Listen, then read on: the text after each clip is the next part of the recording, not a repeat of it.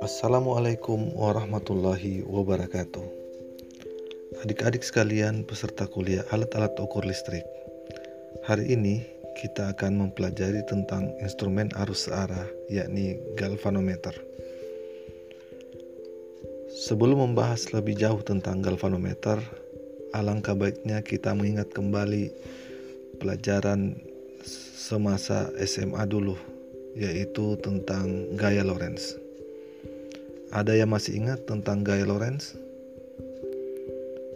Baik, jadi gaya Lorentz itu adalah gaya yang muncul karena adanya interaksi antara medan listrik dan medan magnet. Jadi gaya Lorentz dapat dialami oleh sebuah kawat berarus listrik yang ada di sekitar medan listrik dan dapat pula berbentuk gaya yang dialami oleh partikel bermuatan listrik yang bergerak dengan kecepatan tertentu di sekitar medan magnet. Saya yakin Anda masih ingat dengan rumus gaya Lorentz yaitu F sama dengan B dikali I dikali L sinus theta. Jika kita nyatakan dalam bentuk vektor, maka F vektor sama dengan IDL cross B. Begitu pula untuk partikel bermuatan listrik yang bergerak dengan kecepatan tertentu di sekitar medan magnet. Biasa kita nyatakan dalam bentuk persamaan F sama dengan Q V B sinus theta. Atau jika dinyatakan dalam bentuk vektor F sama dengan DQ kali V cross B. Selanjutnya, Bagaimanakah menentukan arah gaya Lorentz dengan menggunakan kaidah tangan kiri maupun tangan kanan? Bisa diperhatikan di gambar bahwa jika kita menggunakan kaidah tangan kiri, maka arah ibu jari itu menunjukkan arah gaya, kemudian jari telunjuk menandakan induksi magnetik sementara arah jari tengah menunjukkan arah arus listrik. Cara kedua yang bisa kita gunakan adalah menggunakan kaidah tangan kanan yang terbuka ya. Jika ibu jari menunjukkan arah arus, maka keempat jari itu menunjukkan arah medan magnet. Sementara arah telapak tangan itu menunjukkan arah Lorentz itu sendiri. Mengapa arah gaya Lorentz ini penting untuk kita pelajari atau kita ingat terlebih dahulu karena ini akan kita gunakan ketika menjelaskan prinsip kerja dari alat ukur instrumen arus searah yaitu galvanometer. Adapun tujuan pembelajaran yang ingin kita capai dari pertemuan ini adalah yang pertama, Anda sebagai mahasiswa diharapkan mampu menjelaskan prinsip kerja galvanometer secara kuantitatif. Yang kedua, mahasiswa mampu menghitung sensitivitas galvanometer. Dan yang ketiga adalah mahasiswa mampu menggunakan galvanometer dengan benar. Tujuan ketiga ini akan kita capai lewat kegiatan praktikum. Baik, adik-adik sekalian, kita masuk ke materi inti. Sebagaimana kita pahami bersama bahwa kuantitas besaran listrik seperti arus, tegangan, daya, dan sebagainya tidak dapat secara langsung kita tanggapi dengan panca indera kita. Lain halnya dengan suhu pada kondisi tertentu kita menggunakan indera kulit kita untuk merasakan apakah benda tersebut bersuhu tinggi atau rendah, namun sampai pada batas-batas tertentu saja. Oleh karena itu, untuk memungkinkan kita melakukan pengamatan atau pengukuran tentang kuantitas besaran listrik, maka kuantitas besaran listrik tersebut harus kita transformasikan melalui suatu fenomena fisis dalam bentuk besaran mekanis yang lain. Salah satu perubahan yang bisa kita gunakan itu adalah rotasi yang melalui sebuah sumbu tertentu. Besar sudut rotasi tersebut berhubungan langsung dengan kuantitas besaran listrik yang kita amati. Dengan demikian, maka pengukuran dikembalikan menjadi pengukuran terhadap suatu besaran dan besar sudut adalah menjadi ukuran kuantitas dari besaran yang ingin diukur. Untuk memahami prinsip kerja dari sebuah galvanometer, maka pertama-tama kita harus tahu dulu bagian-bagian dari galvanometer itu sendiri. Galvanometer adalah alat yang digunakan untuk mendeteksi ada tidaknya arus listrik yang mengalir dalam suatu penghantar. Dengan demikian, batas ukurnya sangatlah kecil dalam satuan mikro atau miliampere. Bisa kita lihat pada gambar bahwa bagian utama dari sebuah galvanometer itu adalah sepasang magnet tetap, kemudian kutub sepatu, ada inti besi lunak, ada kumparan putar, ada pegas spiral, ada jarum penunjuk, rangka kumparan putar, dan tiang poros. Sepasang magnet ini digunakan untuk menghasilkan medan magnet, sebagaimana di perjanjian bahwa medan magnet itu memiliki arah medan dari kutub utara menuju ke kutub selatan. Kumparan putar digunakan untuk mengalirkan arus listrik yang akan diukur besaran kelistrikannya.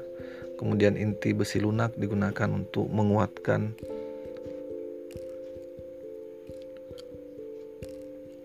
inti besi lunak digunakan untuk memperkuat induksi induksi atau gegel induksi nanti yang terbentuk kemudian uh, pegas spiral diguna uh, berguna untuk mengembalikan posisi jarum ketika arus listrik itu dihentikan. Jarum penunjuk tentunya untuk memperlihatkan uh, besar rotasi yang terjadi. Kemudian tiang poros digunakan untuk penyanggah dari jarum penunjuk tersebut.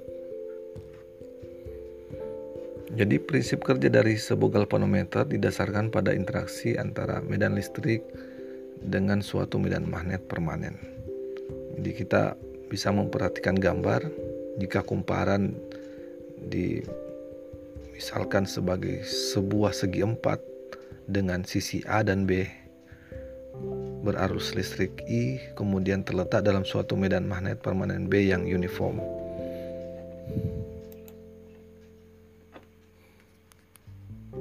Besar gaya Lorentz yang ada pada sisi mendatar atas dan bawah sama besar dan berlawanan arah dalam satu garis kerja sehingga resultannya akan menjadi nol.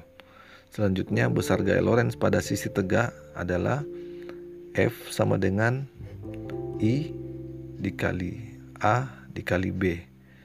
Persamaan ini diperoleh dari persamaan gaya Lorentz F sama dengan B dikali I dikali L sin theta atau jika dalam bentuk vektor bisa dinyatakan dengan F sama dengan IDL cross. Selanjutnya, gaya Lorentz tersebut akan memberikan momen gaya pada kumparan sebesar tau sama dengan F dikali B kali sinus theta atau sama dengan I dikali A dikali B dikali B besar sinus theta sama dengan I dikali A kali B kali sinus theta. Bisa kita perlihat perhatikan dari gambar yang ditampilkan. Jika A kali B itu sama dengan luas bidang kumparan, sementara jumlah lilitan adalah N, maka kita bisa nyatakan tau atau torsi sama dengan N besar kali I dikali A dikali B sinus theta. Untuk menjaga agar bidang kumparan tetap paralel terhadap medan magnet permanen B, sebagaimana yang diperlihatkan pada gambar, maka pegas yang konstantanya K kecil akan memberikan momen gaya sebesar tau sama dengan K dikali theta. Pada sudut theta sama dengan 90 derajat, dalam hal ini jika sinus theta sama dengan 1, maka gabungan kedua persamaan sebelumnya yang menyangkut torsi akan memberikan persamaan akhir I sama dengan K dikali theta per N dikali A dikali B jika K kecil per N dikali A kali B adalah sebuah konstanta, maka kita bisa nyatakan bahwa I itu besar arus listrik itu adalah sama dengan besaran atau tetapan galvanometer dengan dikali dengan theta. Dengan demikian, kita bisa menyatakan bahwa besar arus listrik berbanding lurus dengan sudut penyimpangan jarum atau biasa kita simbolkan dengan theta. Mudah-mudahan dari penjelasan yang disampaikan tadi Anda bisa memahami prinsip kerja galvanometer. Selanjutnya, kita akan mempelajari tentang sensitivitas galvanometer. Jadi, secara umum, sensitivitas sebuah galvanometer bisa dinyatakan dalam tiga definisi, yaitu yang pertama, sensitivitas arus. Sensitivitas arus didefinisikan sebagai perbandingan penyimpangan defleksi galvanometer terhadap arus yang menghasilkan defleksi tersebut. Biasanya arus dinyatakan dalam satuan mikroampere atau defleksi milimeter. Selanjutnya, sensitivitas tegangan didefinisikan sebagai perbandingan defleksi galvanometer terhadap tegangan yang menghasilkannya. Bisa kita tuliskan S sensitivitas tegangan sama dengan D defleksi dalam satuan milimeter dibagi dengan besarnya tegangan dalam satuan milivolt. Jadi defleksi dalam satuan milimeter dan tegangan dalam satuan milivolt. Selanjutnya sensitivitas mega ohm. Jadi sensitivitas mega ohm ini didefinisikan sebagai tahanan dalam mega ohm yang dihubungkan secara seri dengan galvanometer agar menghasilkan defleksi sebesar satu bagian skala bila tegangan 1 volt diberikan ke dalam rangkaian tersebut. Karena tahanan ekivalen dari galvanometer yang diparalelkan diabaikan terhadap tahanan dalam mega ohm yang seri dengannya, maka arus yang dimasukkan praktis sama dengan seper R mikroampere dan menghasilkan defleksi sebesar satu bagian atau divisi. Jadi jika kita nyatakan dalam bentuk persamaan, sensitivitas mega ohm itu adalah besarnya defleksi dalam satuan milimeter dibagi dengan besarnya kuat arus dalam satuan mikroampere. Mudah-mudahan penjelasan ini bisa uh, dipahami dan Selanjutnya, Anda bisa berlatih soal untuk lebih memperdalam pemahaman Anda terkait dengan eh, persamaan-persamaan fisika yang berkaitan dengan galvanometer yang telah kita pelajari sebelumnya.